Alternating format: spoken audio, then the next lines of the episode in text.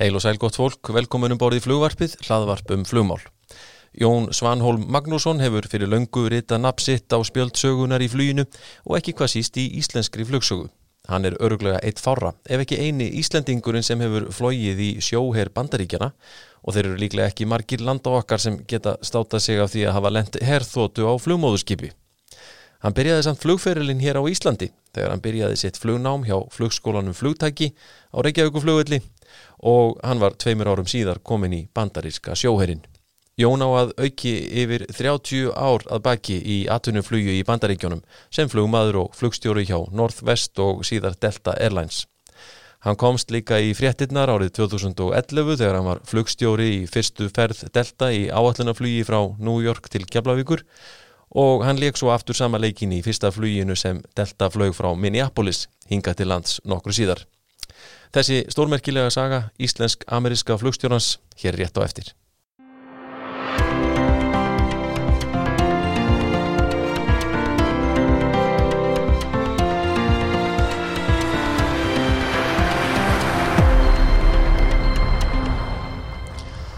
Það er komin uh, góður gestur til okkar í flugvarpið, Jón Svanholm Magnússon eða John Magnússon, verður velkomin. Ta Takk og góðan daginn í dag.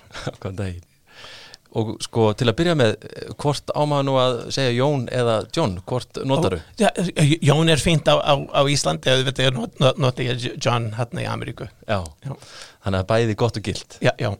En hvað er langt síðan þú hættir formlega í, í atvinnufluginu hjá Delta? Já, síðastu flug var 7. september 2016 búin að vera á eftirlun síðan mm. og kom hingað á já, sömarið 2017 18, 19 kom ekki fyrir sömar en auðvitað kom núna í sömar Búin að eða sömurinu öllu á Íslandi núna? Já, já, já. Ég, ég býr í uh, Florida svona svona 12 mílur söður frá uh, Disney-garðurinn býr þar á, á veturnar með þarna, konar mín og, og, og já, tvær dætur. Einn dóttir er 34 ár, hún er uh, kennar í, í barnaskóla þar eða elementary school þar. Mm -hmm. og, og hinn dóttir er 36 ára, hún býr uh, heima með okkur. Og hún er með Down syndrom en hún er mjög klár, mm -hmm. getur lesið og allt Já, þannig þetta er svona upplegi hjá þeir í eftirlaununum að vera Flórida og veturna og Ísland á sumurinn. Já, já það, það var svona planið áður en ég var komin á eftirlaun. Já, já. já. Og konin mín og, og dæturnar mín komi hingað líka, þeir voru hérna í júli en, en þeir eru farin og ég fer núna mánudaginn. Já. Hver er nú eftirlauna aldurinn fyrir flugmenn hjá bandarískum félögum? Þegar ég byrjaði þá var það sexugsaldur 60 en þá var það breytt líklega hvað, svona 2007 var það hækkað upp í 65 en ég, ég var með eftirlaun svona sjóður sem var byggt upp á að fara þegar þú varst 60 svo, svo ég fekk ekki, ef ég var búin að halda áfram með vinna, ég myndi ekki fá meira eftirlaun eða neitt, það var bara og, og það var svona marga punktar á listan út af því ég fór á eftirlaun en, en það var bara gaman að viðstu, vera komin á eftirlaun en mjög gaman að vera flumadur í þarna 31 ár og svo var ég sjóherinn í 7 ár En að þú veist alveg, alveg sáttur við að hætta á þessum tíma Já, já, já, já ég var búin að svona síðastu fimm ár var, var, þegar ég var svona búin með ferðin ég myndi segja, já, ertu tilbúin að hætta já. eftir svona, já, þrjú ár, tvö ár eitt ár og svarið var alltaf já, ég, ég, ég var búin að gera hvað ég langaði að gera mm. og, og var ég, alltaf þóttu mjög gaman að fara að vinna alveg bara til þarna þegar starfið var, var að loka en, en það var bara komin svona minn tími til þess að fara á eftirrein Glæsilegt. Uh, en svona svo við byrjum nú aðeins svona förum aðeins tilbaka í, í, í byrjunina og, og, og aðeins svona kynna þig aðeins til leiks fyrir þá sem ekki þekkja til. Sko, hvaðan ertu? Ég var fættur hérna í, í Reykjavík landsbítala uh, árið 56 og pappi starfað sem sjóherrmaður hérna, bandur í sjóherrin á Keflavík og hann, hann, mamma og pappi hans er úr eigafyrði, pappi hans var frá, hérna fyrir utan Dalvík, mamma hans var frá Hrísei, uh, mamma mín hún var, var úr Reykjavík. Og uh, mamma hennar var líka úr Reykjavík en pappi hennar var frá hérna, Laufás uh, í Eyjafyrði okay. og svo fluttu við til Bandaríkinn þegar hann, hann var hérna búin í sjóherin en hann, svo held hann áfram að vinna hjá einhvers konar hérna, hann var verkvæðingur einhvers konar svona verkfyrirtæki sem var svona byggja byggingar þarna í, í Keflavík. Og svo við fluttum til hérna, New Jersey, borg sem heitir Montclair, New Jersey, svona hálftíma frá miðbær Manhattan eða miðbær New York. Og var þar alveg til ég var búinn í háskólanám en við kom hingað 8 á sömurinn, við kom 1965 kom með hérna lofleiður DSS 6 vél þurfti að lenda e, hérna kannski leiðin upp var það Goose Bay og, og leiðin tilbaka var það kannski Gander eða og, og til þess að taka bensín. Og, og ég held að flög í hvað svona 20.000 fet eða ég held. Og svo kom ég aftur 68, 70 72 og svo uh, framvegis framveg var það bara uh, á hverju sumar. 72, 3, 4, 5, 6 og 75 og 6 sumarið byrja að læra að fljúa hjá flugtak HF Já, hérna í Reykjavík. Já Uh, og getur þú sagt með okkur aðeins frá sko, hvernig er það sem að mamma þín og pappi kynnast hér upp á Íslandi? Já, já, hana, já pappi var í, í Keflavík mm. og áður en hann var í sjóherin, hann kom hingað á sömrin einu sinni og vann á Kvassafell sem er ekki svona skip frá eimskip, það er einhver önnur svo hann var með svona kunninga hérna sem voru Íslandingar og þessu maður sem hann þekkti þekkti mamma og þeir hérna sagði já, vilt ekki bara hérna hitta þessu þessu kona, þessu, þessu kona þessu, þessu, þetta, hún var líklega svona ung kona á þann tíma já. það var áður en ég fættist auðvitað en svo, svo hann, hann kynntist mömmu í gegnum þessu uh, kunningja hans mm -hmm. og þau byrja að búa hér upp á Íslandi já, já og, í, í, í Reykjavík já. og hann myndi keira til Keflavík og á þann tíma var malað vegur alla leið og auðvitað það tók svona klukkutíma pluss að keira til Keflavík á, á þann tíma. Mm. og uh, hann átti ég held svona svartan Volkswagen bjalla sem uh, ristis mjög mikið á leiðinu fram og tilbaka. Svo, svo fekk hann svona Volvo fjórir, fjórir, fjórir mótel sem hann átti alveg til ég var 17 ára. Já, já. og við, við vorum hann var alltaf svona að gera við bílinn þegar ég var allast upp og ég myndi svona halda á hérna the, the, the flashlight eða hérna ljósveran. Og stundum myndi við vera svona íta í skrúja og tenga og þangað og það myndi koma, hann myndi segja já þetta er rík frá, frá Ísland. Sem, sem dettur núna á, á okkur En, en hvaða starf var það sem að hann gengdi í, í Keflavík? Uh, hann var svona, kannski svona intelligence officer liklega uh, þegar hann byrjaði í sjóherrin þeir spurja stundum já, kanntu einhver önnur tungumál? Hvar myndur þau langa að vera stattur í sjóherrin og á þann tíma auðvitað Koreastríðið var í gangi svo hann var sendt þangað. Hann var, hann var hann auðvitað út á, á, á svona destroyer, svona lítil já lítil miða við svona sjó hérna flug, flugmóðurskip en hann var hérna fyrir utan Korea þegar stríði var og svo var hann kallað og bara sendt frá Korea alveg til Ísland og uh, starfið þar og svo var hann búin með svona skildan hans og svo fór hann að vinna hjá þessu hérna, fyrirtæki sem byggdi svona hlut aðna í kringum Keflavík. Já, þannig að hann er vinna í tengslum við þær byggingar. Já, já þegar hann var búin í hernum já, já, en hann var svona, svona, svona intelligence officer á, á þann tíma myndi svona fara í gegnum þessu myndi sem var tekið hérna þegar flugvélar voru voru hérna fljúa í, í kring kannski ekki, ekki af Ísland en Já, og þú svona þú fetar svolítið hans leið í þessu að fara í fer líka í, í vélaverkfræði eins og hann, var það ekki? Já, já hann var læriður vélaverkfræðingur frá háskóla sem er bara hinnum yfir ána frá Manhattan og, og ég fór í gegnum þessu sama, sama háskóla Stevens hétta akkurat, svo farið svona mismunandi leiðirnar inn í, inn í, inn í sjóherin já, já, já, Já. Þannig að þú sko fættur á Íslandi en, en ferð þá bara hvað þryggja ára sem þið flytjið til New Jersey? Já, já, svo, svo ég læriði íslensku áður en ég læriði ennsku en ég var aldrei farið í skóla til þess að læra að tala það rétt. En svo orðsetningar hjá mér er kannski ekki alveg, alveg eins, eins gott eins og það á að vera. Já, menn fyrirgefa það nú Þannig að hérna en þegar þú ert að koma hérna þá til Íslands aftur sko uh, þarna á 8. áratugnum 75, 6 og 7 ertu þá að koma hinga til að vinna og svoleiðis Já, já, já, 70, já, þessu fimm ári í röð 72, 3, 4, 5, 6 þá var ég hérna sendið til Ma- amma mín var búin að starfa í landsbankan í, hún sagði alltaf 41 og halvt ár Já. og, og hún, hún var fyrsta kvenmaður sem var uh, formaður starfsmannsfélag landsbanki Íslands.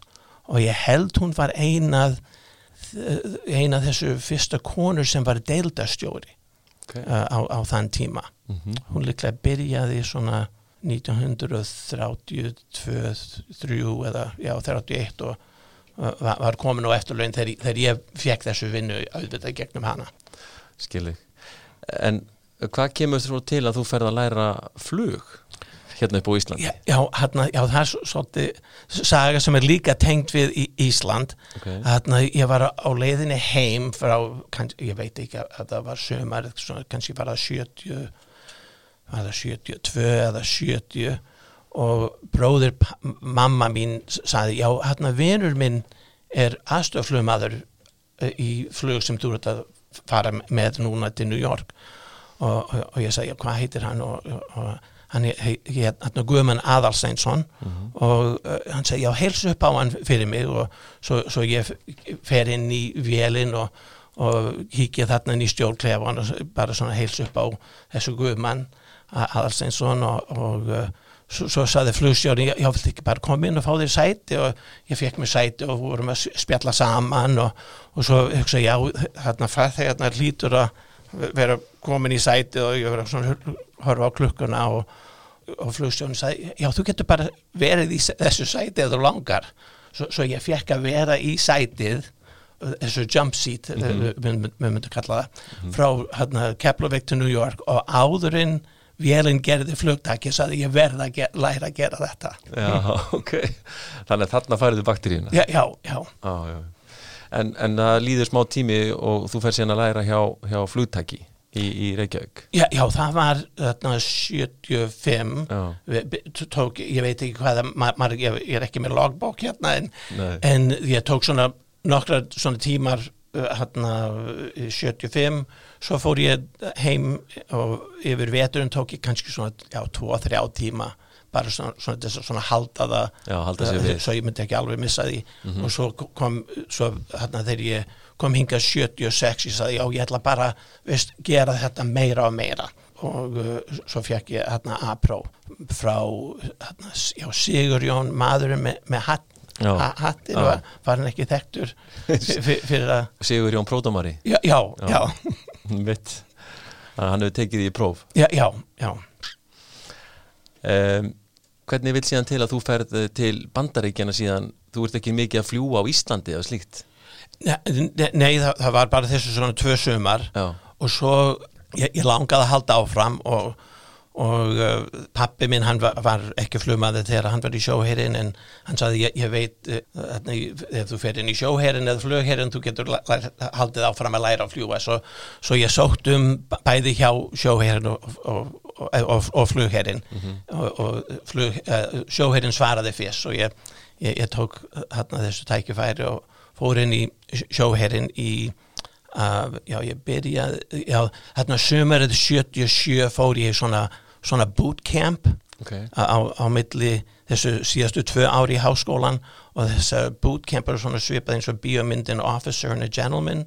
Ég, ég, ég fór í svo- svona al, alveg eins og uh, svo þe- þegar ég var búin að útskrifast út úr hérna háskóla fór ég í, ég veist að klára þetta bootcamp og svo bara helt áfram sem hérna, ég byrði sem hérna, officer, svona ensign eða uh, já, svona fyrsta fyrsta stí er það ekki sagt, svona fyrsta stí í svona leiðinu Já, eða, já.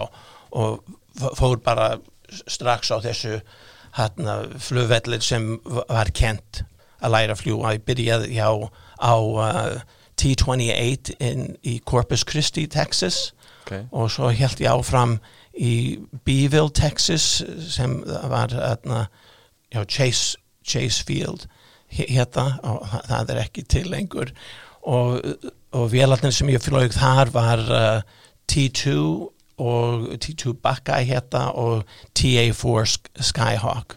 Og ég fekk svona svona cirka svona 50 tímar í T28 og svo 100 tímar í sitt hvort hérna T2 og TA4 Ok Þannig að þú fer beint af sko 1650 hérna Já. Reykjavík og, og Yfir í, já þetta T28 var hérna nýju cylindrar radial engine Já. sem var með 1400 hestöp svo það tók svolítið, mikið þarna svona right rudder til þess að koma á móti þetta torque sem, sem þessi vél bjóð til.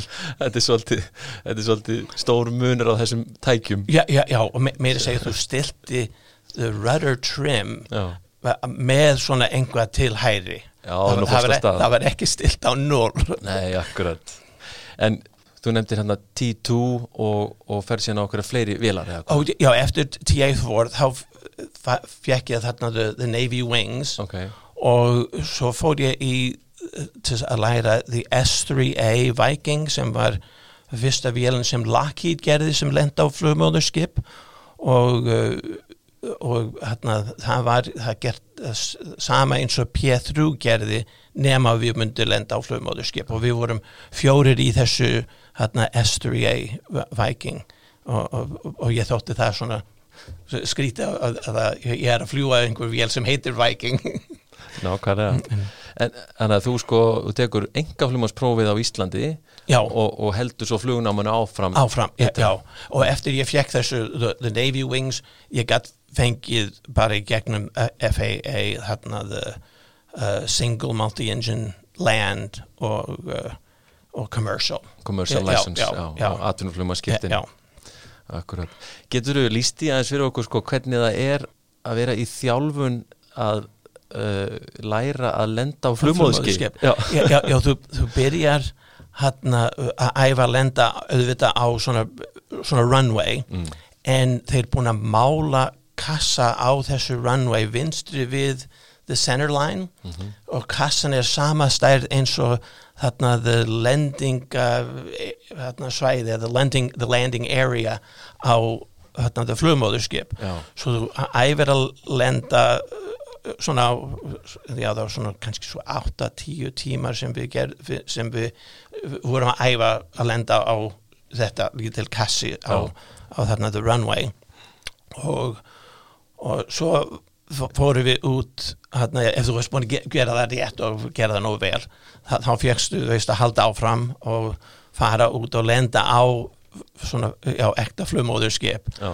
og hérna þegar þú lendir á flugmóðurskip þar þú er ekki uh, uh, you know, there, there's no flaring there's no, þú, þú tekur ekki nefið upp það, það bara missur þú þú veist, þú, flýgur fram hjá þessu kassa á jörðuna eða þú flýgur bara fram hjá fl flugmóðurskip. Þú ert ekki reyna að lenda eitthvað mjúkt. Nei, nei, nei, það er ekki neitt mjút þú, lendir svona á svipað svona 6, já, 6, 7 600, 700, svona 800 feet per minute descent.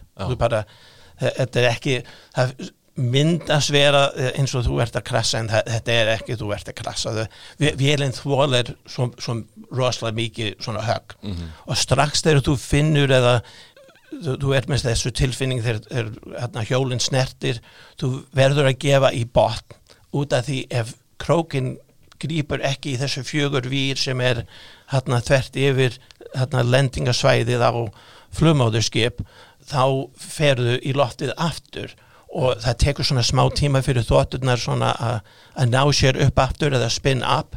Og, og þú verður að vera búin að því þess vegna í, í, gefur í bot strax.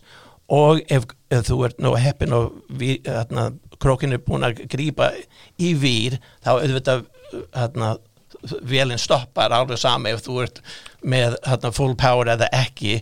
Og svo kemur einhver hérna svona, hérna, svona the flighter það er kallað the, the, the director the, Ok. það er, ef, ef þú kíkir á svona mynd af flugmóðurskip þeir sem er í gula gula vestinu já, já, og, já, og já, veifa já, já, gula vesti, þeir kom út að segja já, þú, þú getur hérna, farið með það í idol aftur og svo setja krókin upp og svona taxi út til hæri og, Já, já. og, og svo við myndum gera þetta tíu sinnum en þú ert bara al eitt þegar þú gerir þetta fyrst og það var líklega út af því þeir voru búin að setja of mikið pening í þú veist að, að fyrir kennarina að læra svo þau vilt ekki að við erum að drepa kennarin líka þar, ef þú ætla að drepa, drepa þig þú ætla bara að drepa sjálfan já, já.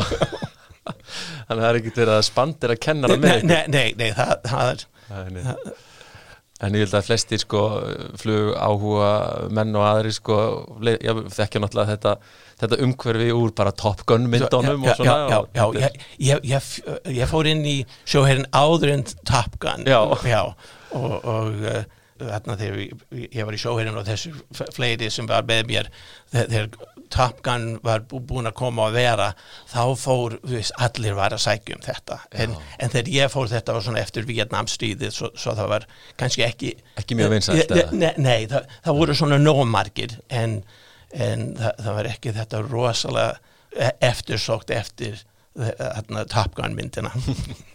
En hlýtur að vera mikið svona adrenalín kick bara að gera þetta. Já, já, þetta er já, og við, við, við segjum að ég, ég segja þarna, þetta er fyrir svona ung menn að gera, þú verður að vera svona, svona tvítugs til þrítugs aldur.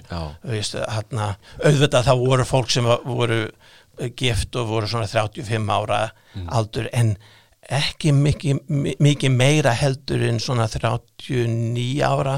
Þarna, svona yfir maðurinn okkar yfir þessu svona skvadrun sem við vorum í við, við þóttum hann var rosalega gamall kall en hann var hérna með svona 39 ára ammali út á skipið. Já. svo hann var ekki svo ga- gamall eða, fyrir okkur sem voru auðvitað svona eh, 23 ára, 24 ára já, þá var hann leit út sem bara gamall kall. En þú nefndir sko að fara á æfa lendingar á svona skipi. Er það þá skip sem er í notkun eða bara eitthvað gamalt sem að Þe- Þetta sem við lendum á uh, þegar ég var að læra það var USS Lexington sem var hérna svona kennsluskip.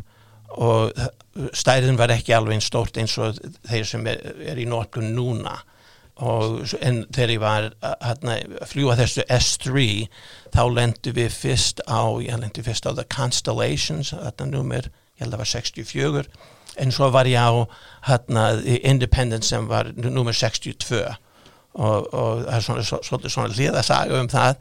Hérna, pappi minn var í hérna, sjóherin og held áfram í varalið.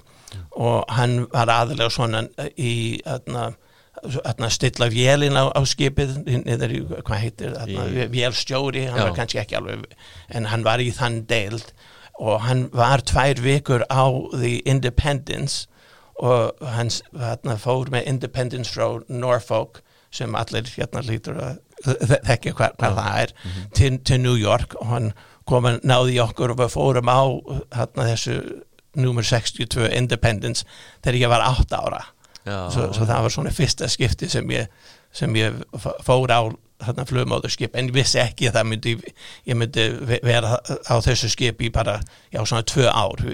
Ég var þarna tvö og hálft ár í Jacksonville og með, með konan mín og uh, hún bjó í Jacksonville í tvö og hálft ár. Ég bjó í Jacksonville bara hálft ár. Þessu hinn tvö ár var ég á flugmóðurskip þarna við myndum fara frá Jacksonville. Þarna fyrst vorum svona æfa við myndum fara svona fjóra til sex vikur uh, uh, í einu. Var þarna rétt fyrir utan Jacksonville eða kannski fyrir utan þarna Virginia Beach eða fyrir utan uh, Puerto Rico. Og svo við myndum gera svona, ka- kannski svona þrissvarsinnum svona fjóra vikur svona tvær, þrjár vikur heim fjóra vikur aftur tvær, þrjár vikur heim svo, svo, svo sex vikur, svona fjóra vikur heim og svo myndum við fara út og koma ekki aftur uh, eftir svona sex og hálfa mánuði. Já, já. Og, og ég fór alltaf til hérna, the, the, Mediterranean uh, Í miðjararhafi mið- já, já. og eitt ferð, við kallum þetta svona cruises eins, og svona á, þetta var ekki skemmtuferðarskip en, en þetta var kallað svona cru- cruise. Og um, já, já, ég fór til hérna, miðra hafið tviðsvarsinnum og síðastu skiptið, segða segna skiptið uh, við fórum til hérna North Atlantic í februar og, það er eitt svona flug sem ég var á ég, ég var svona flett upp í einhvers konar upplýsingabók um já, hvað var hérna í kringum mér þarna í kringum hérna fyrir utan Bóró og Trondheim og svo sá ég þarna, já, þar, já, Ísland er hérna og get ég kannski náð ég fletti upp svona uh, upplýsingafrequency fyrir veður mm -hmm. svo ég, já ég ætla að prófa að ná, ná, ná þessu og, og áður en ég byrja að tala við þetta Reykjavík veðurstofa ég, ég uh, saði við þeir sem voru í stjórnleifan með mér, við vorum fjórar eða svona tveir, tveir pluss tveir og ég sagði já ég ætla að skipta yfir á íslensku en, ég, ég er alveg vist það er ekki rúslensku svo, ég, ég fekk að, að tala við veðurstofan og svo þeir sagði, já, viltu kannski fá svona símtengslu við einhver hérna í Reykjavík? Og þeir sagði, já, skipti yfir á Göfunes og ég gerði það og hérna, þeir gaf mér svona síma samband við hérna, frænka mín sem býr hérna í, í, í Reykjavík núna. Já, þú tekið bara svona phone patch. Já, phone patch, já, alveg, alveg rétt, alveg rétt, en, en núna er þetta ekki svo spennandi uh, á þessum tíma með, með svona FaceTime og, og allt, allt sem er í til núna Skype og allt þetta. Ná, já, ég mitt, nútíma tækninu búin að breyta Be þessu. Alveg breyta þessu, já, já. já. Það var mikið sport hérna náttúrulega í gamla daga að nota stuttbylgjuna HF já, og, og fá svona síntengingar hist og herr Já, já, þetta uh, S3 Viking var með hérna 2 UHFs og, og ein svona H, HF Og, og var ekki Franka hissa þegar hún heyrði í þeirra? Já, já, já, já. en auðvitað ég gæti ekki sagt hvað ég var. Nei Nei, það var hernaði lindamál Já, já, já. Þannig að þegar þú ert í þessum, þessum tíma í sjóhörnum þú, þá hefur aldrei komið til Íslands. Nei, nei ég var svona að byrja veist, byrja, stefnan hjá mér þegar ég fór inn í sjóhörn mm. var að fá vera á P3 og, og, og, og bara komast til Keflavík. Og svo þegar ég var að byrja á þessu kennslu og hérna, þegar ég var búin með þetta T28 ég gætt helt áfram en það var smá svona hérna sjans það ég myndi ekki kannski fara þann leið, svona multi-engine leið sem P3 notar hérna ég kannski myndi fara að vera svona þyrluflumadur sem auðvitað það er spennandi starf líka en þyrlur er ekki eða sjóherlir þyrlur er ekki hérna á, á, á Keflavík eða hún er ekki á Keflavík og mm. svo ég hugsa já ég ætla bara halda áfram í þetta sem er bara fixed wing og fór í eh, svona þessu þóttu leið. Ok, en þú nefndir aðan sko því að þú kallaði þetta svona cruises sko, já, já. en uh, hvernig vinna var þetta? Hvernig var vinnudagurinn um, þú ert að sigla á flugmóðskip í Karabíska hafinu eða Miðjararhafinu já, Þetta er nú verið ekkit, ekkit leiðinlegt. Nei, nei, nei, nei var ekki nei, þetta var svona dísalbát sem uh, svona kælingatækið sem voru á bát, bátin var ekki eins góð eins og þessu sem eru núna uh, þessu kjarnokka mm. virkbátar eða ef ég er að segja þetta rétt mm. en við myndum fljúa kannski svona fjórir, fimm sinnum í viku og, og myndum fara svona fjóra tímar í einu okay. og bæði miðjanótt og, og á dag og, og stundum hérna við vorum þetta fyrir utan Beirut, Lebanon eftir þessu, hérna, the Marine Barracks voru, hérna, voru sett svona sprengir í því. Mm. og við vorum svona, hérna, já, alltaf þarna bara beint fyrir utan Beirut, Beirut. Og við vorum alltaf með flög í loftið eða svo á, á, loftið, já, já, já, svo Svo á daginn var það fyrst, alls konar vélar. Þarna, þegar ég var í, í sjóðunum þá var það A7, uh, F14, A6, E-A6B, S3 and the, and the E2. En yfir nóttina voru tve, tveir S3 og ein, þarna, E2 sem voru í loftið. Svo, svo við myndum svona halda vaktið yfir nóttina mm. en við myndum líka fljúa á daginn. Já. En, hvað, hvað, svona, hvað var skemmtilegast í þessu starfi? Er erfið spurning já, já, já, já bara þetta er svona svipað eins og veist, að vera flumaður hjá svona farþegflugfjali þetta sem þú sér út úr þessu glöggar þetta it's, it's a, you know, þetta er svona sérstak svona privilege sem við erum með til þess að horfa út og sjá alveg sama ef það er kolsvart myrkur eða bjart með túlin á kvöldin eða flottan uh, ljósaskipting þegar sólinn fer niður, þetta er bara merkilegt að sjá þetta en hann að svona sérstakt við, þetta var auðvitað mjög spennandi í sjóherinn og það var þegar, þetta var svona þegar ég var að skapa þessu fyrsta þúsund tímar. Mm -hmm. svo það er alltaf svona spennandi svona þessu svona fyrsta þúsund tímar. Já. uh, Fóstu mikið út, út um heiminn á þessum tíma? Við vorum bara í miðrahafið og við vorum með alls konar svona stopp sem við svona hérna hub, the, the port visits okay. já, við vorum skráð margar svona port visits svona á þryggja vika fresti eða e, e, einhver svo leiðis mm -hmm. en svo að þegar þetta sprenging við þessu barracks þá voru við bara þarna fyrir utan Beirut alltaf. Ah, þá verið staðsettir þar já, já, já, svo, svo við fekk ekki við, við fórum inn til Naples og fórum inn til uh, uh, Athens, Greece og Istanbul, Turkey mm -hmm. og Haifa, Israel og líka Rhoda, Spain. Já, já Rhoda, Spain fl hérna, flugmóðurskip fór ekki þangað inn, ég flög þangað inn. Og ég líka flög inn til hérna, Catania, Sicily, já, Sicily. Og Naples, Italy fór þangað til, já, og Surabay Surabay, Crete líka. Það var aðalega til svona sækja post eða fara með einhver farþega þangað og svo myndi þeir auðvitað fara á svona stærri þarna, Air Force þóttu til bandaríkin eða. Já. En á móti hins vegar sko margt verið skemmtilegt og spennandi. Hvað hérna hvað var kannski svona erfiðast eða leiðinlegast við, við, við, við svona vinnu? Já það var auðvitað tíman þú veist, verið í börtu frá auðvitað konan mín, það, það var svona og, og á þann tíma það, já það var það var kannski svona nummer eitt á listan úr þetta sem var svona svolítið slæmt við, við þessu starfa á þann tíma og, og bara þú veist að halda áfram dag eftir dag og fá ekki þú veist að fara inn í þessu, þessu port visit sem við þetta myndi vera bara mjög gaman að gera.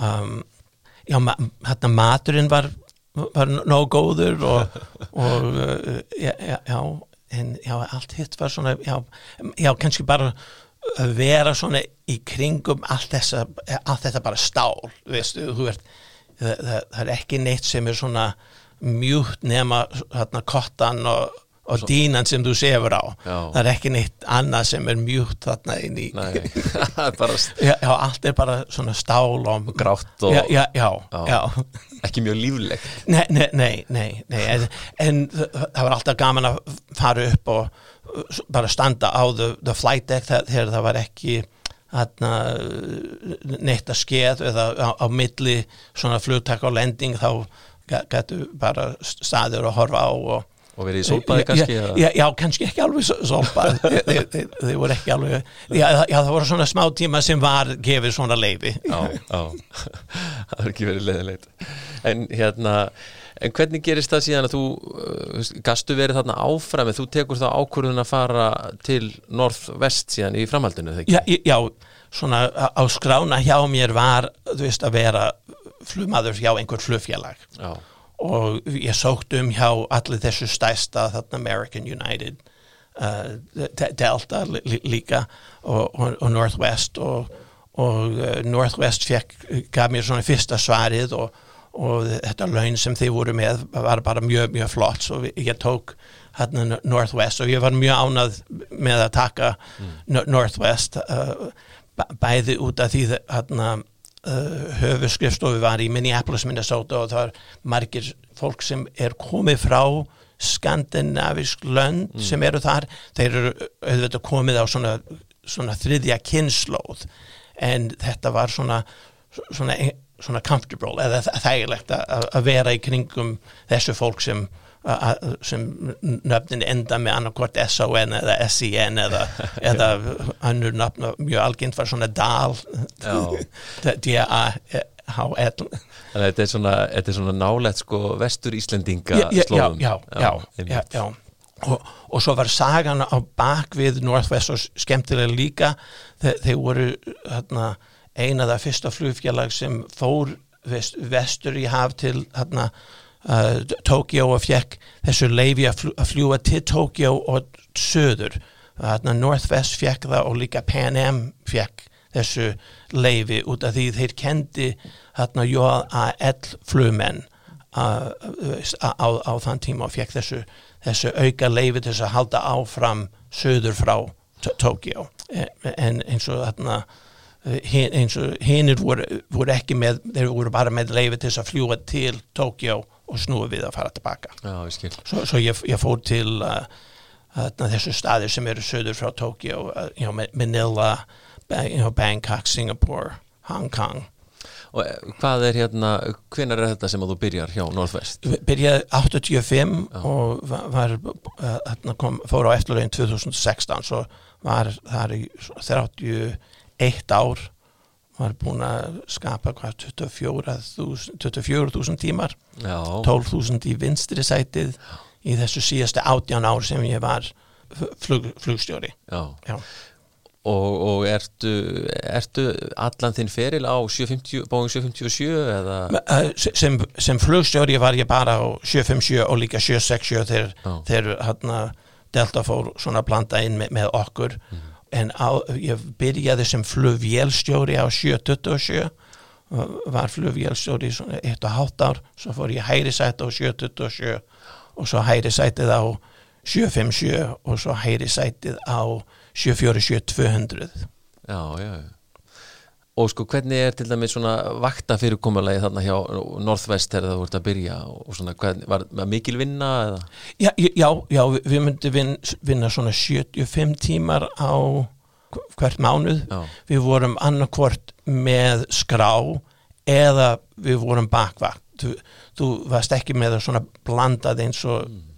flugleiðir er, sem það er gott líka ég, ég myndi svona langa að hafa það kannski svona mm. en uh, já við myndum svona gera svona 75 tímar á mánuði svo fóruð upp í svona 85 þegar við vorum svona fljúa svona meira Og þið flyti þá hérna til Minneapolis á þessum tíma? Já, já við fórum hérna ég byrjaði í sjóherrin hérna í Pensacola mm. svo fór ég til eins og ég saði Corpus Christi, Beeville, San Diego til að læra á hérna þetta S3 svo fór ég til Jacksonville og enda með því aftur í Pensacola og svo fórum við til Minneapolis oh. og var þar í 31 ár og, uh, og árið 98 uh, þá byrjaði flugleiður með þjónustu til uh, Minneapolis og svona þessu tíu ár eftir 98 bauð ég áhöfnin heim til mín í mat á 25. desember oh. ég, ég veit flugleiður hérna voru með svona svona hangikjötveislu á kvöldi 2004 svo ég bauði þeim heim 25. desember sem, sem var líka gott að því það var ekki hægt að fá meiri nema kannski bara svona netusmjur og sultu samlokkur niður í, í minni, miðbær Minneapolis það var allt bara lokað Loka, já. Já, já. Ég man eftir að hafa heyrt um þetta þetta eru fræg heimbóð hjá þér hérna. Já þetta var mjög, mjög gaman mjög, mjög, mjög gaman og svo já. eftir því sem að kannski hérna flugið hefur aukist að þá kannski komið fleiri og fleiri til þín Já, já þetta byrjað, ég, ég, ég ringdi alltaf í þess flugstjóran mm. og, og bað hann um að koma og auðvita áhöfnin með og uh, svo, svo fyrst var það svona flugmaðurinn hérna, the first officer og, og svona tveir flugfræjar svona fjórar og svo fór það að vera svona meira og meira og svo uh, var það komin upp í svona 14, 15, 16 að því það var það öll áhöfnin og fjölskyldu kom með líka en það var bara rosalega gaman já. Þetta verið heilmikið samkoma Já, já, já, og auðvitað við bauðum líka hérna, Sindri Sveinsson og Jessica Ginger hérna, þessu, þeir voru hérna, Sindri var auðvitað stöðustjóri á, á, á þann tíma mm -hmm. Hún nefndir hérna östuð sko þetta þegar að Delta fór að koma inn í þetta það verður þessi, það er í rauninni saminning er það ekki? Já, já, Northwest og, og Delta. Já, já, já en þetta Delta nafnið helt áfram og, og, og þetta var já þetta var mjög gaman veist, að vinna fyrir svona önnur flugfélag að því maður heldur þú veist það er bara svona ein aðferð að fljúa 757 vél. Já, en nei það er ekki alveg rétt. En já auðvitað það er margt sem er alveg eins. En hvernig hérna þú fær hérna þessu stilling fyrir uh, þristing á hérna the, the Eber setting eða hvað heitir það á, á þessu tóttur til þess að gera flugtak og, og það, já, það assumed temperature setting. Allt þetta er gefið upp svona öruvísi sitt hvort fyrirtæki. Misjafna aðferðir já, já, já, og hvernig þessu checklist eru gert veist, maður heldur, já það er bara svona ein, ein leið að gera checklist en nei þetta, er svona svolítið svolítið hérna öruvísi sitt hvort fyrirtæki. Og, og vi, vi, bá- báðar fyrirtæki voru hérna auðvitað mjög svona standardized. Mhm. og vi- þetta var bara eins og að, að vera hérna í svona leikrit. Þú veist, ég segir s- einhvað og svo aðstofröðumannu segir einhvað eða gerir einhvað og svo þurfti að svona breyta því svolítið að því kannski delta var með einhver, einhvað annað sem þú þarf að gera fyrst eða þetta var ekki alltaf svona 1, 2, 3, 4, 5 Nei. þetta var svona já 1, 3, 2, 4, 5 já, Bá- báðir voru alveg 100% rétt en, en svona svolítið öruvísi aðferð Var þetta, var þetta mikið effort svona að koma þessu saman og búa til einn hóp eða hvað? Já, já, já, meira fyrir svona okkur hérna hjá Northwest því við, við þurfum svona að breyta okkur Já, aðlaga ykkur Já, að, að delta já, já, já. Já. En, en voru margir sem mistu vinnuna við þetta og svoleiðis eða Nei, var það eitthvað? nei, nei, nei, það voru engin nei, það voru engin lay- layoffs eða- Nei, nei, engin, nei sem það, það var gott ekki flugmenn, en þeir sem voru veist, að vinna inn á skrifstofu já, þeir svona svona kannski helmingin að þeim mistu vinnu. Út, af því þú þarf ekki, að vera með, með svona tvær deildar sem gerir svona marketing eða já, þú þarf bara að fá hafa eitt deild sem gerir marketing. Já, akkurat, akkurat En, en sko, svona kjörin hjá þessum bandarísku félögum, þau eru svona nokkuð góð, er það ekki, hjá þessum stóru amerísku félögum? já, já, já, já, ég var al- alltaf ég þarf að segja, já, svona vel borgað það var, við, við tókum uh, ég misti aldrei vinnu það neitt Nei. en, en það var, var fólk sagt upp þegar eins og hrunið var og svona byrjun 1990 var svona smá 93 kannski var svona smá erfið tíma sem fólk misti vinnu en ég, ég misti aldrei vinnu en ég, ég, ég fór kannski frá svona efst á listan á 757 niður í, ekki alveg niður á botn en, en ég fór svona upp á niður á, á listan en ég þurfti ekki veist að skipta yfir á, á, á einhver önnur vél Nei. En til dæmis svona hlutir sem eru öðruvísi eins og varðandi frí og, og, og tryggingar, þetta er doldið öðruvísi í bandaríkjónum, er það ekki? Heldur um við þekkjum hér. Já, já, Er ekki svona minna frí eða hvað? já, Svona eins og já, ég, byrjaði með ég held svona eina viku frí. Og, og þe- þegar ég byrjaði hjá Northwest og svo eftir svona, já, ég veit ekki ef það var fimm ára eða fjögur á þá fór ég upp í svona tvær vikur eða, já, og svo fór það upp í þrjár vikur fjórar og, og enda með því svona fimm vikur já, Á ári. já, á ári, Já. já, og, og ég, ég veit þi- þið eru með svona sumarfrí og vetrafrí, við, við erum bara með frí. Veist, ef þú er nóg hátt settur til að taka á sömurinn þá getur þú tekið á sömurinn en, Já, það er bara, er ekkit skilgrænt tímabil. nei, nei, nei, Nei, nei, en, en það er svona, svona bidding kerfi sem þú fær þarna þessu sömarfrí Mhm. þú getur tekið allt saman í einu eða þú getur takið svona viku svo gerur svona önnur svona þarna bidding og svo, svo tekur önnur viku og þú þriðja fjóruðu viku, viku. En hérna, áttu, áttu mikla rætur í Minneapolis, Minnesota núna, veist, marga, Já, já, já það eru vi- vinir þeir, voru fleiri þegar ég byrjaði að vinna og út af því það var ekki eins margir sem var svona, hvað við kallum svona commute to work að því við, við erum með svona þetta jump seat í, í okkur stjórnklefan er svona nota fyrir þeir sem eru veist annarkort að fara í vinnu eða fara heim. Einmitt, og uh, svo, svo þá fór svona fleiri að flytja frá Minneapolis einhver starf annar starf en, en það voru já svona, já, svona sex sem ég þekki en, en þá sem býr í Minneapolis -hmm. En ekkit af fjölskyldunni þarna lengur eins og nefndir aðan Nei, nei, nei bara neyri í Flórida Já, já, já, já fjölskyldun hjá mér var auðvitað mamma og pappi og, og svo bróður minn. Mm -hmm. og, og öll já, fjölskyldun er hérna á Íslandi. Það er bara já, mamma og pappi eru farin svo það er bara þess bróður minn konan hans, tvær sinir og konan mín mm og, og tvær dætur.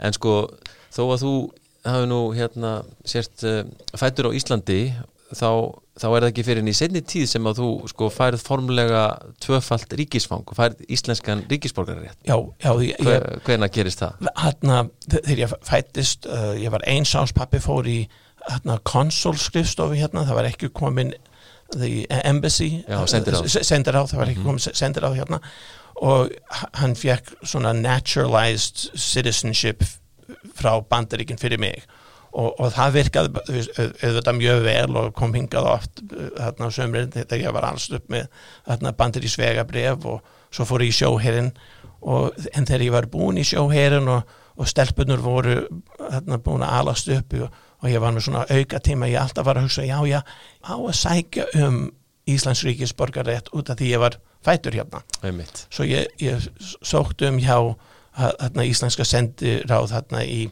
í Washington DC senda þeim hérna fæðingavoktor mitt og, og giftingavoktor hérna mamma og pappi og þeir sagði já þetta er gott en þú verður að senda það áfram svo ég sendi áfram til þjóskrá og svo í svona lok desember var gefið svona 39 hérna ríkisborgara á Íslandi Já það er alltingi búið að stimpla þetta Já, já, eftir þeir, já Já, já, akkurat Svo komstu nú í, í fréttinnar hérna töluvert hérna fyrir svona tíu áru síðan þegar þú varst flugstjóri hjá Delta í fyrstu ferðinni frá Minneapolis hinga til hans. Já, já eða fyrsta ferð frá New York hing, það kom fyrst. Fyrir ekki frá, já, frá já, New York, já, einmitt. Og þegar ég heyrði það hérna Delta alltaf byrja með flug til Keflavík, ég, ég strax hérna skrifaði svona tölvupóst til hérna the president of Delta sem var hérna, the president of uh, Northwest áður.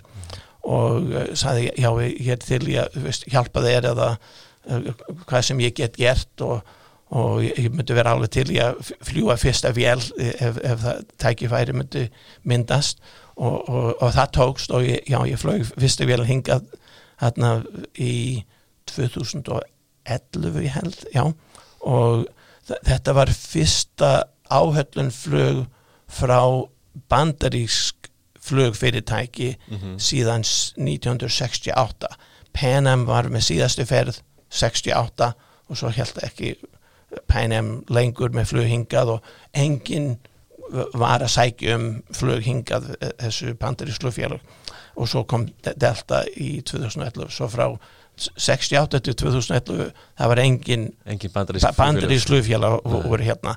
En þeir kannski myndu koma hingað sem svona charterflug en Já, ekki áallinu flug Nei, nei, en ég held ekki kannski mjög, mikið eða, ah, eða kannski charter fyrir hérna herin á, í Keflavík. Og var þetta ekki svolítið svona uh, stórt moment fyrir já, því? Já, já, það var mjög, mjög, mjög, mjög gaman. Það, það var, já, það var það var mjög, gaman og, og líka fyrstu ferð frá Minneapolis hingað, ég var, var flumadur á, fyrstu ferð hingað og og það var gaman veist, að koma yfir Atlantíðhafin og svo þú veist að lækka flug áður en þú er komin alveg, alveg hinum eigin einmitt, einmitt. Og, og, og þegar þú lendir í Keflavík sko hérna 2011 þá ertu sennilega ekki búin að lenda nema síðan þá bara á 1650 hérna já, fyrir lengur síðan. Já, og, og já, þegar ég var að læra hjá flugtak já, já. við myndum fljúa til Keflavík og lenda. Ég ég, ég, ég bað hérna amma mín að koma með mér og við flögum til Keflavík á 1650 lendi, gerði svona snettilendir í, í Keflavík og, og 1976 já, já, já og, og, þannig að það er þá hérna 31 ár já, nei 35 ár 35 ár 35, já, er það ekki? 35 já, já, já, já, 35 ár, já, alveg rétt, já, 35 ár, wow. Þetta er alveg magnað, já, já og hérna fórstu margarferðir til Íslands? Já, já hérna ekki eftir þessu New York ferð mm. það, ég, ég sókt um að taka fleiri ferðir en þeir sem eru skráður í New York fær svona fyrsta aðgang á ferðir sem er frá New York. Og svo, svo það tókst ekki en þegar var opið hérna í Minneapolis, já þá kom ég kannski svona 10-12 sinnum hingað, ég er ekki alveg já, svona cirka Og voruð þá bara að stoppa hér í eitt sólarhing og svo Já, tilbaka? já, já, já. já, vorum á hérna, Center Hotel niður í bæ hérna, hinu við, við gödunum frá hérna, sætasvínið. Já, akkurat. Þetta er skemmtilegt En hérna á þessum rúmlega 30 árum hjá e, að fljúa farþegaflug var eitthvað svona tími skemmtilegri en annar eða meira spennandi að fljúa til eða, eða stíkt? Já, já, það var alltaf auðvitað mjög spennandi þess að byrja á svona nýjan vél, þú veistu þegar ég byrjaði hæri sæti á 727 og svo, svo hæri sæti á 757 og, og já, svo auðvitað 747 og þegar ég fór frá 747 yfir í 757 vinstri sætið. Þú veist, allt sem skeður á 747 skeður mjög hægt út af stærðin og þingdin og auðvitað þar á réttan hraða, þú veist 250 nútar fyrir neðan 10.000 fett og allt, en það tekur lengra tíma fyrir 747 að ná upp í 250 nútar Já. það tekur ekki langan tíma fyrir 757 að ná upp í 250 nútar svo þegar ég fór í vinstri sætið hefur verið- þarna í hæri sætið á, á 747 200 það var bara, wow, þetta er eins og bara að skjóta frá þe- þessu flumóðurskip þetta bara, pjú, bara wow, hjóli kemur upp og, Já, og allt gerist svo Ja, hratt. allt, já, já, en, en ég, ég venjast því bara þarna fljótt, en ég man eftir svona fyrsta svona 2-3 flug var, wow, þetta skeður mjög hratt hérna á þessu 7-5-7 vél. einhverjir svona ákvörðunarstaðir eða svona destinations sem að voru uh, svona meira spennandi Já, þessu sem var, hérna, söður frá Tókjó var mjög spennandi, auðvitað Amsterdam, ég get við erum með flug til Amsterdam og Paris og London, veist, og ge- gera það bara all- alltaf, það var innanlands bandaríkin, Phoenix var flott, þarna, bara út af því það var svo einhvern veginn, hótel var svona réttan stað, var svona rólegt hverfi eða að því st- stundum þú langar ekki að vera svona í, svona eins og miðbær New York eða miðbær Los Angeles eða já, San Francisco var mjög, mjög gaman, Seattle mjög gaman Portland, Oregon var kannski svona næst á listan. En, en uh, já, þessu staðir svona eins og Phoenix það var, það var bara svo gott að hafa svona Rolex stopp líka og, og, og ekki mikið reyfing í kringum hótelið eða Já, já. Og, já, og líka einfalt að fljúa inn. Það var, við vorum fyrst að fljúa inn til Los, Angeles. Þa, það var svona, svona spennandi alltaf en svo var svona breytti yfir í svona góðan star eða you know, sem allt, allt var svona Aðflug alveg. já, já, að, já, já. en uh, á þessu langa ferli þú lítur að hafa komist í hann krappan einhver tíman, varstu svona Ó, einhver tíman sem að þegar ég var í vinstri sætið við vorum að gera flugtak frá Fort Myers og þe- þegar nefið kom upp á þessu 757 það flög hérna, uh, svona a grey her heron uh, svona bí- svona fugl með langa lappir. Já, já, það, það er kannski ekki svona fugl til hérna en það fór inn í hérna hæri m- mótorinn og, og það byrjaði að svona reyfa sig svona svolítið og, já, og hérna hita mælirinn fór upp í hérna rauðu og, og, og svo við svona dró svona vélinn tilbaka og til þess að lækka þetta hita stíð og svo fórum við alveg niður í idle og þá var það svona búið svo við þurftum ekki að slökk, drepa á mótorinn. En svo auðvitað hringdi þarna fyrstu freyjan og var, já, getur þú sagt mér hvað, hvað kom upp og ég, já, ég sagði þarna við tókum fuglinn í þarna hæri hreiplan og, og við, við tók bara hæri beigju á, á þarna downwind og, og svo við, við lendum eftir svona 11 mínútur. Og, og þeir sem voru þarna, þessu, það voru tveir frá líklega þarna kannski því FAA sem voru með skrifstofu þarna í, í þessu törn þarna á fyrstu hæðin. Og þeir heyrði hljóðið breytast á vélinn þegar á þessu reypla sem þegar fugglinn fór inn. Já, og við já, við, við verðum svona hopp inn í bílinn og fara þarna hinum meina því að auðvitað hann allar komið tilbaka aftur.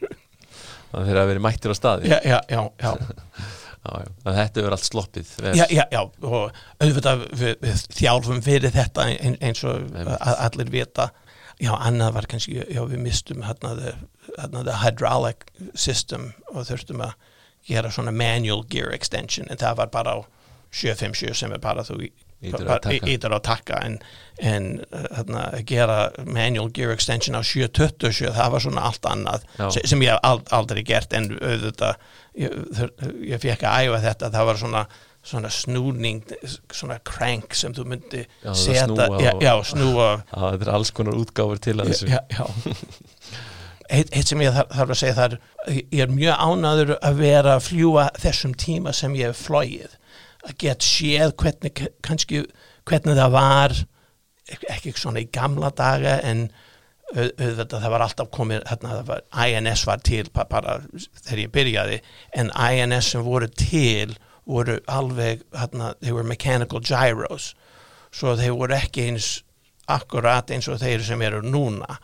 Og þetta breyting er búin að vera gaman að vera í sætið og horfa á þetta. Hérna þeir við vorum að fljúa yfir hérna the North Pacific Track System. Hérna við myndum svona mæta yfir Alaska og fara út á, á þessu svona, hvað var það, svona sex tr- tracks eða fjóra tracks. Og á þann tíma þá þurftum við ekki að gera hvað við þekkjum núna þetta ve- vera svona aðeins hæri megin eða vinstri megin.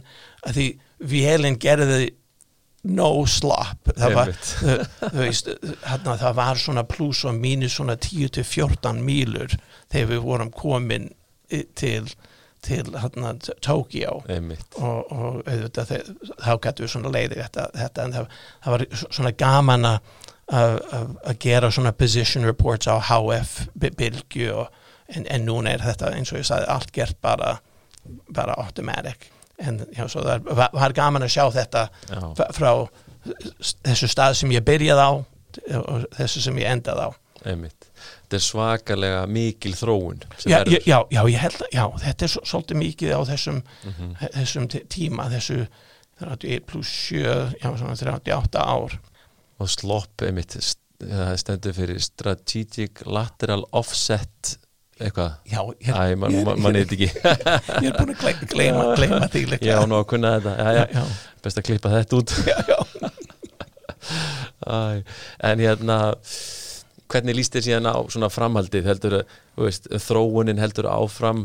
Hvað heldur með hvernig heldur þetta þróist áfram? Já, Eh, já, já, hvernig verður þróunin verið áfram Já. pröð kannski ekki alveg eins rætt eins og það er búin að vera. Þau- auðvitað, þau- veist, allt er svona sett inn í inn í þarna þessu þarna FMC þegar þú á jörðina og punktarnir eru þar og svo þú vítur bara á þarna elna vín ef takka og það flýgur bara sjálft.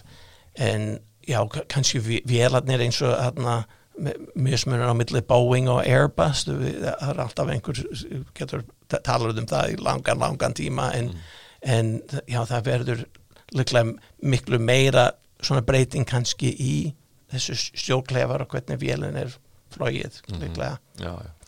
Þetta er, þetta er, þetta er mögnu breyting á, á frekar skömmum tíma mikil tekni þróun Já. En þú nefndir hérna á að þú værir á, á leiðinni til Flórida núna eða hvað? Já, á, á mánu, mánudaginn flýg ég til, uh, ég ætla að fara til Boston og vera eina nótt þar uh, og svo ætla ég að halda áfram næsta morgunin bara út af því ég er á svona starfsmannsmiða. Já. og, og, og það er svona pizzastaður sem ég fór á oft á svona layover sem ég ætla svona heimsækja aftur. Í Boston. Í Boston Já, gert. Þetta er rétt hjá flugvöllurinn. Já. við, ef við vorum með stuttstopp þá myndum við vera rétt hjá flugvöllurinn. Ef við vorum með langt stopp þá myndum við fá að vera niður í bæ Og núna, núna er sko Delta að fljúa náttúrulega mörg flug hérna inn til Íslands. Já, núna í sömar þeir voru með hérna flug svona Boston það er nýtt fyrir Delta og New York og Minneapolis eins og þeir búin að gera. Já, og ég sá uh, svona nokkra dagar sem þeir flög svona 267 vélar og 1757 vél Einmitt, þetta eru er, er stóra vélar og já, já. mikið af hérna, Amerikunum greinlega að koma til Íslands. já, já, já. Og, og öll farþegar sem eru á svona bandriðslufjala eins og Delta United þeir get ekki halda áfram. Vi, við bara komum með farþegar hingað og þeir verður að vera á, Í- á Íslandi. Við erum ekki með leifi til að fljúa þessu farþegar frá Ísland til Evrópu. Amsterdam eða Paris eða London. Svo, svo 100% af fólk sem við fer í þessu vél sem við flugum hingað stoppa hérna og er, er bara hérna. Já, er bara á Íslandi já, og, og fer svo tilbaka. Já, já alveg rétt, og fer, fer tilbaka já, og eins og þú nefndir líka United, þeir eru bara fannir að fljúa hérna mitt frá Chicago og og jafnvel nú- fleiri stöðum kannski já, Newark. Newark, já, já, Já, já, ég er ekki alveg viss en, en þetta er orðið mikil breyting í Keflavík að sjá þessi bandarísku flugfélög. Já, já, já, já. sem að eins og þú nefndir aðan voru ekki hér um áratuga skeið og líka sérstaklega þessu sömari því Mm. þetta sömar var ekki alveg eins og það var við, voru, við erum ekki alveg komin upp á þetta 100% aftur einmitt, með, þetta ég, ég hef heilt þetta að segja það this unpleasantness sem við erum, við Já, erum akkurat. undir. Þetta ó, ó, óþægindi er það svona rétt? Já, ég áriðt já, í sta- staðinn fyrir að kalla það einhver annað. Við þurfum að fara að komast út úr þessum COVID-óþægindum óþæg, já, Já, mikið, mikið rétt. Það sé allir til í það að fara, fara að klára það sem fyrst. En Jón, John við, við notum Jón á Íslandi. Já, já, já. bara sérstaklega gaman að fá því í flugvarpið og, og heyra þína sögu. Ta takk fyrir að þetta er búin að vera mjög, mjög gaman. Frábært og, og bara góða ferð uh, vestur um haf og, og kemur þú svo ekki bara næsta vor þegar já, já, já, þegar að ég, fer að vora? Já, ég kík inn til því næst, næsta sumar. Já, glæsilegt. Takk hérlega fyrir komuna og hérna og, og, og bestu kveðir Ta Takk. Þá látum við þessu loki bara í billi og uh, flugvarpið heldur áfram að sjálfsögðu ótröytt og af nógu að taka á næstunni. Þar til næst, góða stundir